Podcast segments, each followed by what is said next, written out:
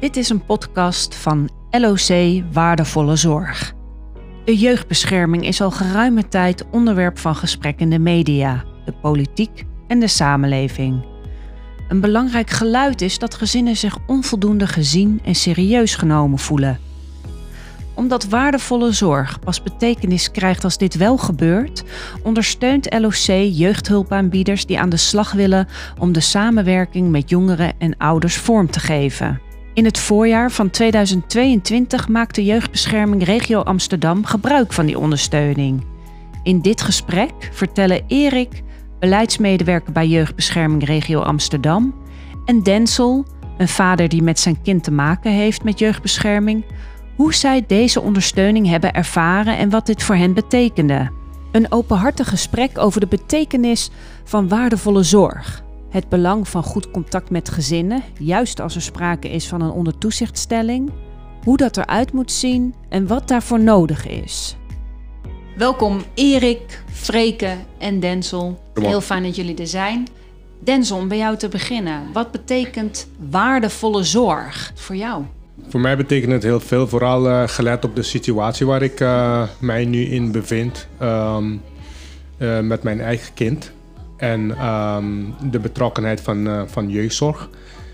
omdat ik van mening ben dat de kwaliteit be beter kan. Dat is de reden waarom ik dan ook vanmiddag, vandaag in ieder geval meedoe aan deze podcast. Het moet dus anders, maar als ik dan aan de toekomst denk, dan voelt dat zo ver weg. Hebben we niet nu al recht op waardevolle zorg? Ja, nee, die, mening deel ik. Die mening deel ik uh, zeker. Ook gelet op mijn eigen ervaringen, dus nu met, uh, met, met, de jeugdzorg. Ik, ik vind echt inderdaad dat we niet moet blijven, uh, moeten blijven uitschuiven. Want daar hebben kinderen en gezinnen geen, geen baat bij. Um, ook belangrijk om te benoemen is dat de, de rapporten die er zijn verschenen over de, de jeugdzorg daar niet om liegen.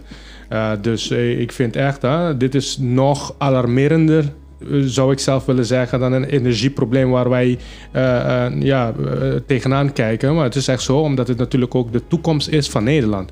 Um, dus het is iets heel serieus en heel alar alarmerend. Erik, wat betekent waardevolle zorg voor jou? Nou, eigenlijk sluit ik, sluit ik enorm aan bij wat Denzel zegt. Um, we moeten nu wat gaan, gaan doen. Want er is inderdaad in, in de jeugdzorg, uh, we liggen erg onder vuur. Er is een enorme crisis eigenlijk gaande. En als je nu niet wat gaat doen, uh, je moet het nu anders gaan doen. Dat is eigenlijk, uh, zou mijn boodschap toch vooral zijn. En wat, nou, ga met elkaar in gesprek en ga zeker ook met de, de en misschien gebruik ik het vervelende woord de gebruikers, maar de, de ouders in, in het geval van jeugdbescherming, gaan met hen in gesprek, want ze weten echt wel waar het over gaat. Ja, want het staat heel erg centraal, hè? dat cliëntperspectief, het delen van ervaringen. Hoe ga je dan via medezeggenschap naar waardevolle zorg, naar die waarde van de mens? Dat is nogal een stap. Hoe kijk jij daarnaar? Zeker, zeker. En dat is ook een beetje de, de, de enorme spagaat of de, de, de moeilijkheid, de moeilijke keuze die we hebben. Want zorg betekent dat je iets samen gaat, gaat ondernemen. En jeugdbescherming um, betekent heel vaak dat je hulp opgelegd krijgt door een rechtbank. Dus er wordt een, soort overdonderend programma bij een gezin naar binnen ge, geschoven. En daar moet je mee aan de gang. Je moet een resultaat halen. En eigenlijk haal je dat alleen maar door samen te werken. Maar de, de eerste contact is niet zozeer dat er gevraagd wordt om hulp. Dus er zit een soort ongelijkheid in vanaf het begin. En die moeten we erg enorm hard gaan overbruggen. En dat moet je anders doen dan dat we het nu doen. En als je vraagt... Oh, sorry. Nou ja, nee, nee ik, ik wil even, even, even aan toevoegen dat... Kijk, um, we hebben het over waardevolle, waardevolle zorg. Dus dan zou ik bijna zeggen: oké, wij weten nu wel ondertussen, zeg maar, wat gaat er goed, wat gaat er niet goed, wat kan er beter. Dus laten wij vooral de, ons erop focussen de dingen die anders kunnen en dan ook anders naar handelen. En wanneer we het hebben over anders naar handelen, dan bedoel ik niet alleen het, het steeds uh, uh, um, willen afdoen met papierwerk, maar dan echt uh, in gesprek gaan met ouders. Ouders echt het gevoel geven dat naar ze wordt geluisterd. Nou, dat vind ik een hele belangrijke, want ik heb meegedaan met de panel, cliëntenraadpanel. En wat kwam er naar voren? Diverse ouders gaven aan dat zij echt niet gehoord voelen. Dus laten wij in ieder geval daarmee beginnen en dan echt werk van maken. Maar niet, niet houden bij, bij een, een, een aanmelden bij allerlei loketjes. Want dan, dan, dan, dan helpen we het probleem niet uh, op te lossen. Nee, dat serieus genomen worden, gezien en gehoord worden, dat is natuurlijk iets wat heel veel valt. Ja. Um, om meteen dan ook maar naar het traject te gaan. Freken, kun jij uitleggen wat dat precies is? Ik uh, heb inderdaad namens LOC heb ik uh, jeugdbescherming regio Amsterdam uh, en een aantal ouders die um, een relatie hebben met jeugdbescherming regio Amsterdam heb ik begeleid bij de vraag um, hoe willen we medezeggenschap nou een rol van betekenis geven hier en wat is daar dan vervolgens voor nodig?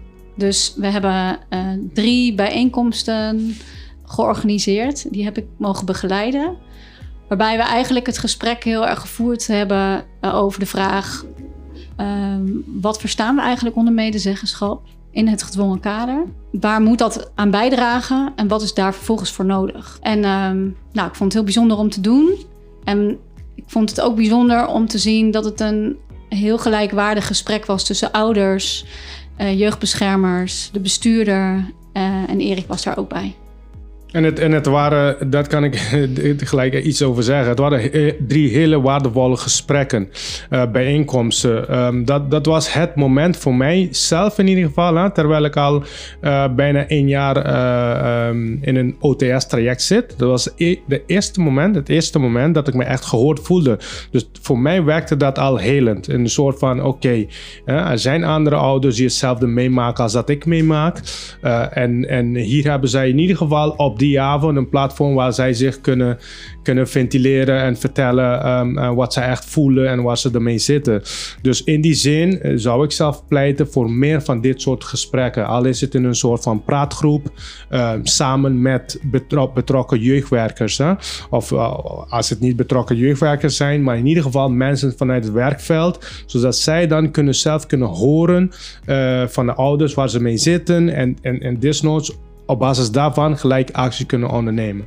Want waarom deed jij mee? Uh, ik deed mee ten eerste omdat ik ja, ik was wel best, uh, best gefrustreerd. Uh, en, en, en, en ik had, ik, ja, het ik was gewoon, ik baasde van de wanhoop. Ik, ik, voelde me niet, niet, niet gehoord.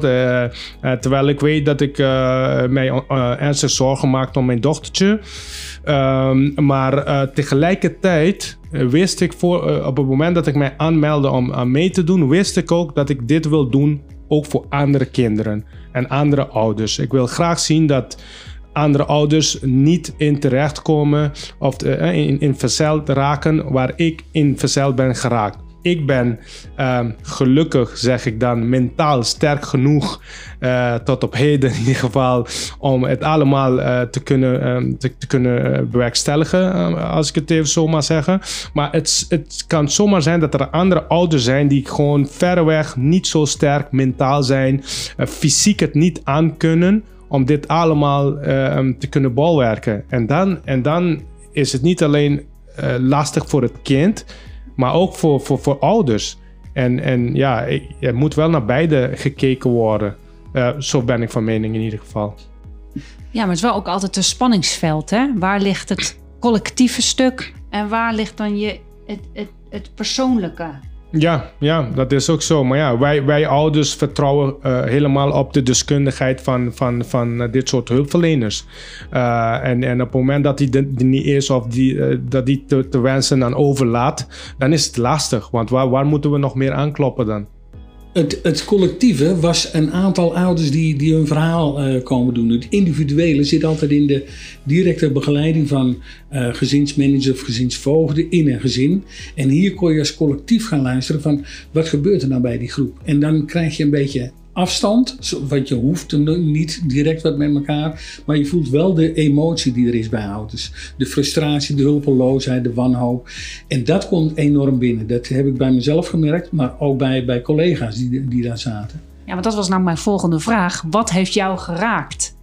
Nou, eigenlijk, eigenlijk dat. En uh, uh, ik weet nog dat, uh, dat Denzel uh, in, in die bijeenkomst een keer zei van als jullie binnenkomen, dan komt er iemand binnen en die zegt van nou, we gaan van scratch af beginnen. Ik weet niks van je. En die zegt van, ja, dat geloof ik natuurlijk niet. Want er ligt een, een vuistdik dossier meestal van een gezin. En dat hebben jullie. En als je het dan niet hebt, dan denk ik wel dat jullie het hebben. Dus ik sta 3-0 achter.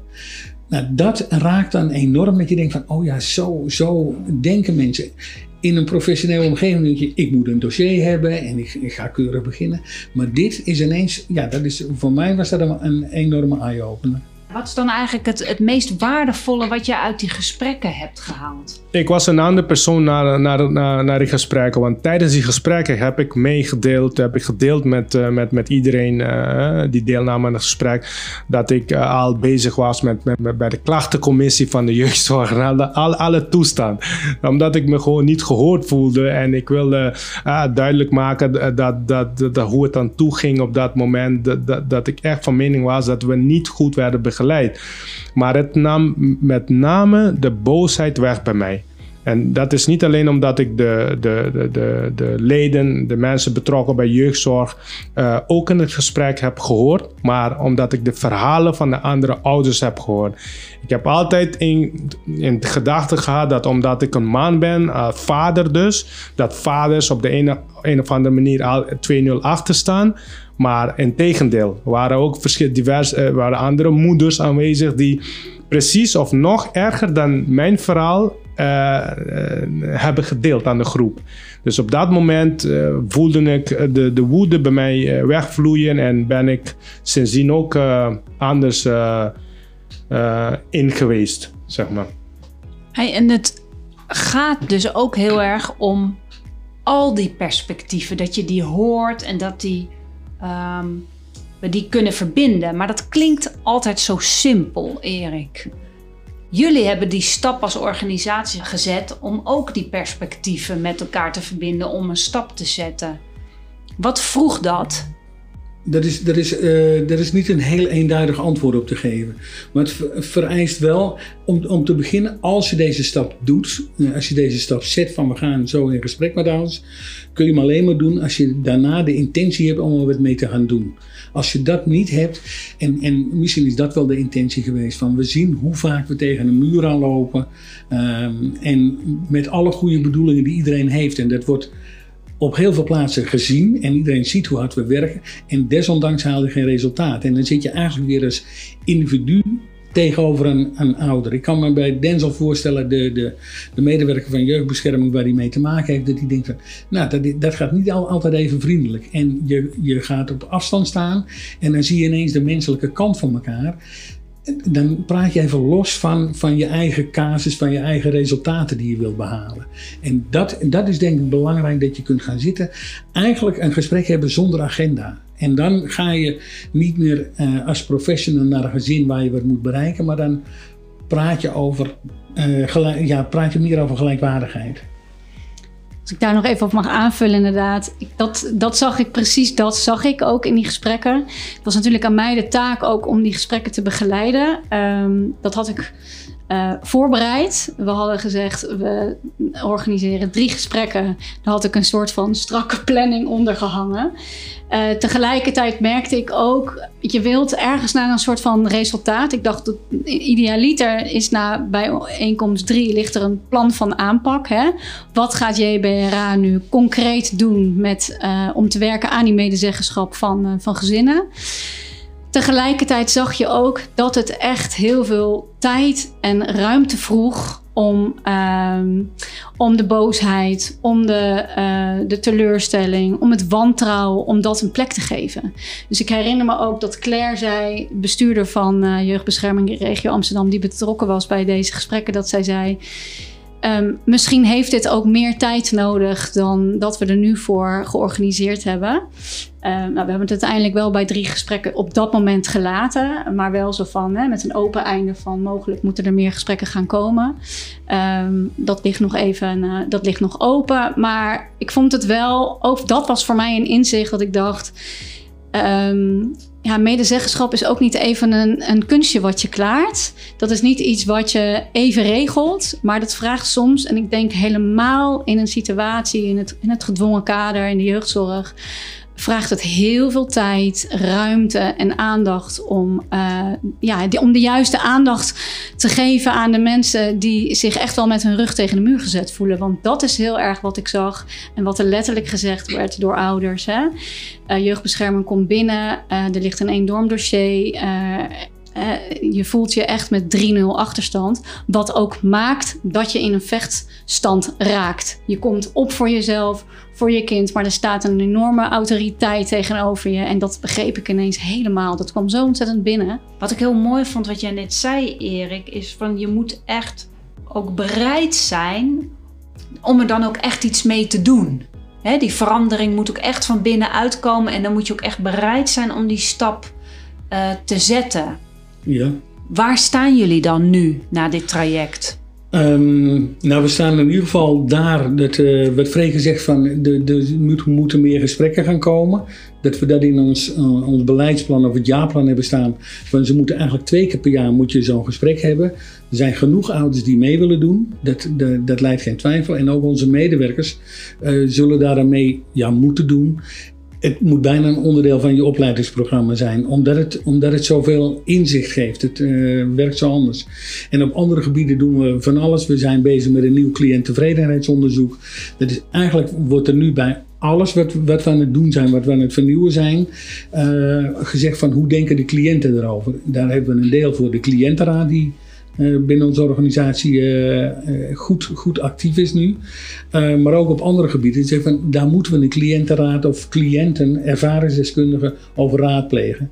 En dat, dat, is, dat is eigenlijk een, ja, een onderdeel wat we steeds meer erin willen gaan brengen. Nou, toch een, toch, een, toch een kritisch geluid vanuit mijn kant op basis van wat ik nu hoor. Hè. Um, ik hoor dus nu, um, wij gaan een tevredenheidsonderzoek doen. Dan denk ik, dweilen met de kraan open. Ja. Want het is al meer dan duidelijk wat, wat er gaande is, wat er speelt. Dus waarom een tevredenheidsonderzoek? En dan is mijn vraag, um, ik hoor ook dat uh, men is bereid om um, uh, het een en andere op te nemen in een beleidsplan. Uh, maar gebeurt dat ook voor, drie, voor 23 bijvoorbeeld? Of, of blijft Zeker. het bij gesprekken? Hè? Want daar gaat het om, handelen. Uh, en, en, en dan inderdaad con concretiseren. Concreet maken inderdaad dat het terugkomt in 2023. Dat het duidelijk wordt gemaakt van dan en dan gaan we het zo aanpakken voor verbetering. Anders blijven we maar praten. Ja, nee, nee, nee maar, uh, klopt. Je hebt, je hebt helemaal gelijk. En, en tevredenheidsonderzoek is, niet, uh, is, is ook niet meer de goede term die we willen gebruiken. We ja, het klinkt weer echt als dat het als een project wordt gezien. Ja, nee, het, het, het, het moet gaan over cliëntervaring. En dat gaat ook niet aan het eind van de rit gaan we uh, ophalen van wat is er nou goed gegaan en we, welk cijfer geef je ons. Maar dat we eigenlijk vanaf het begin praten over welke ervaring hebben we met elkaar. Daar moet het gesprek over gaan. En ja. dat is niet een eenvoudige weg die we zomaar uh, gaan bewandelen. Ja. Uh, dat is wel een langduur, langer durend iets. Uh, en ik denk dat het sowieso geldt voor medezeggenschap. Dat is altijd een lang project, wat, uh, lang, niet een project, maar een proces wat lang duurt. Wat, wat eeuwig doorgaat.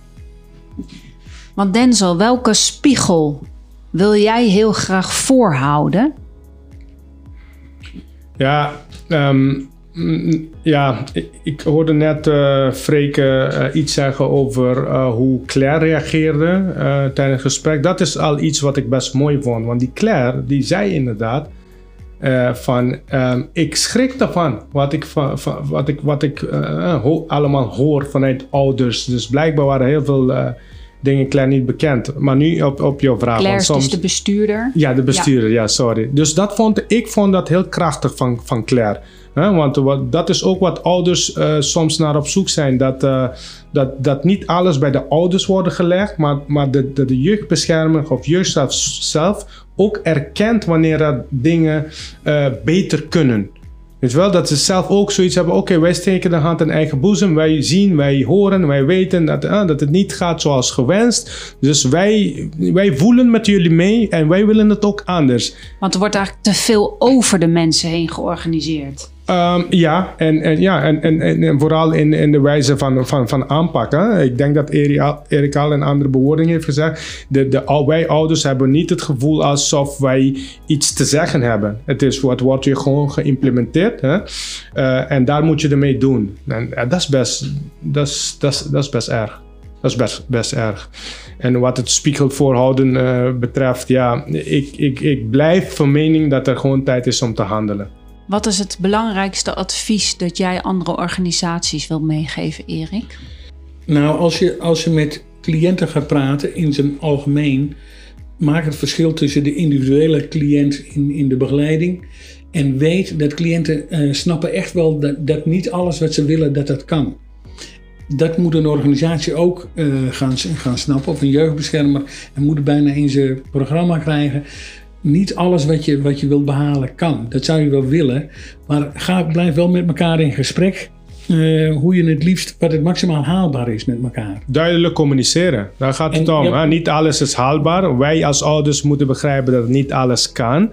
Maar dat zou wel betekenen, hè, anderzijds, duidelijk communiceren. Precies, en, en Ja. begrijp en, en eh, praat ook over de frustratie die je erover hebt. Want Ja. dat is wat ik je eigenlijk hoor zeggen: van als ik gefrustreerd ben als ouder, dan wil ik daar ook het gesprek over hebben. En, en gewoon soms van kunnen zeggen: Ik ben erg gefrustreerd en ik snap dat ik ook nog niet alles kan halen. Dan heb je een open gesprek.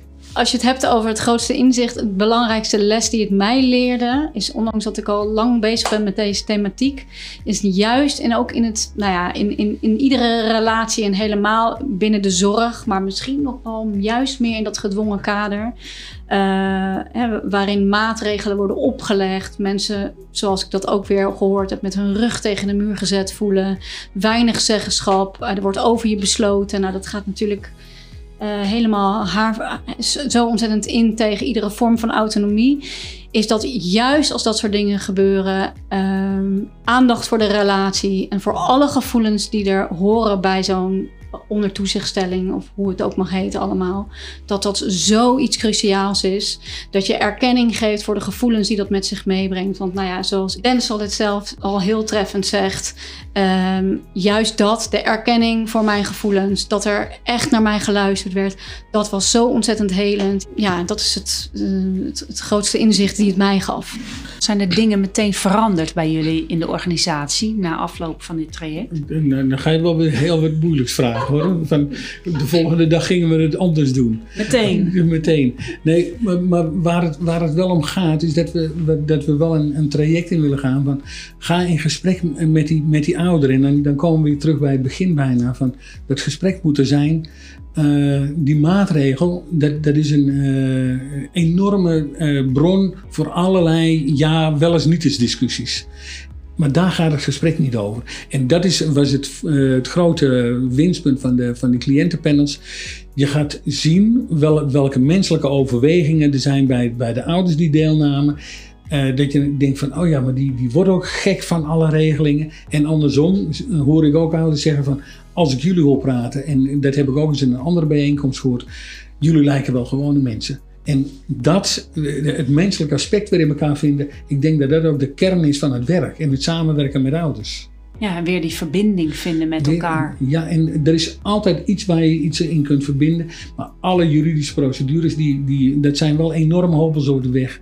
Daar zit onze uitdaging in. Kun je die met ouders even aan de kant zetten en zoek naar wat, wat bindt ons nou als mens? Ja, ik denk, ik denk zeg maar, denk en handel meer vanuit het kind ook. Want eh, in, in, tijdens de panel en als ik eh, eh, hulpverleners hoor praten, dan gaat het heel erg over de kwakkeling tussen hulpverleners en ouders. Maar hoe zit het met het kind? Weet je wel? Want dat, dat is het toch, jeugdbescherming voor een kind. Dus Dat we ook, ook iets benoemen af en toe van oké, wat doet het met het kind zelf? Hè? Dat, dat denk ik dan. Waar zit nou voor jou het grootste verschil in of je nou met zeg maar Denzel zit te praten of met een collega over thematiek? Nou, als je met, met een collega ga je, ga je heel snel naar de, naar de techniek en, en het hier en nu en de, de, de dagelijkse gang van zaken in een gezin. Dan gaat het over, ging dat goed of ging dat niet goed? En in, als je met Denzel zit te praten en met andere ouders die niet direct betrokken zijn bij de zaak, dan praat je, wat ik al eerder zei, met meer afstand erover. Maar dan ga je reflecteren op van wat gebeurt er nou in zo'n gezin. En die en dat moet je weer meenemen in de, de volgende uh, huisbezoek wat je gaat doen met je eigen gezin. Maar hoor eens even van hoe is het iemand anders gewoon vergaan zonder dat je daar een resultaat mee moet halen. Uh, die cirkel moet je, moet je doorlopen. Je loopt tegen een probleem aan in een gezin. Dat bespreek je eigenlijk met, met, mogelijk met je collega's, maar ook met andere gezinnen die niet direct betrokken zijn. En zo kun je weer terug naar je eigen gezin. Ja, en goed beseffen wie je voor je hebt, vind ik ook heel belangrijk. Dat heb ik ook een, een voorbeeld van mezelf uh, uh, aangegeven tijdens het gesprek. Hè. Ik kom daar op het moment dat ik mijn kind al negen maanden niet heb gezien. Dus je kan niet verwachten dat ik daar kom alsof ik dan net naar uh, een theatervoorstelling van, van een komiek uh, toe ga, bij wijze van spreken. Ik kan daar niet lachend zitten. Ik zit al vol emoties, vol ongeloof, uh, machteloosheid. Snap je? Dus dan is het taak van de hulpverlener om wat professional uh, mee om te gaan. Als, als, als, uh, als Denzel zagrijnig is, als Denzel niet, niet, niet aardig uit zijn woorden komt, dat moet niet uitmaken. Hij is degene die in die ellende zit. En jij hebt een schone blik, je ziet me voor het eerst. Jij moet je wat professioneler opstellen. En wanneer dat niet gebeurt, is dat al heel ingewikkeld. Want dan, dan ken je gewoon een valse staat met elkaar. Van, ah, ik ga naar huis. Of diegene, eh, we zeggen gedaan. Maar het blijft al op dat moment al een, een, een verpest gevoel. En dan kan je elkaar ook niet meer aardig gaan spreken. Dit, dit, is exact wat ik bedoel. Van Denzel moet een advies geven van ga nou de volgende keer naar dit gesprek en bedenk dan hoe een ouder erbij zit. Want als ik hier zo zit, overkomt mij dit. Dat, dat is uh, denk ik uh, uh, wat, wat je ervan Ja. kunt leren. Ja. Dank aan jullie allemaal, Erik, Denzel en Freke, voor dit eh, waardevolle gesprek. Graag gedaan. U luisterde naar een podcast van LOC Waardevolle Zorg. Vragen over deze podcast of suggesties voor een ander onderwerp? We horen het graag. Mailt u naar vraagbaak.loc.nl.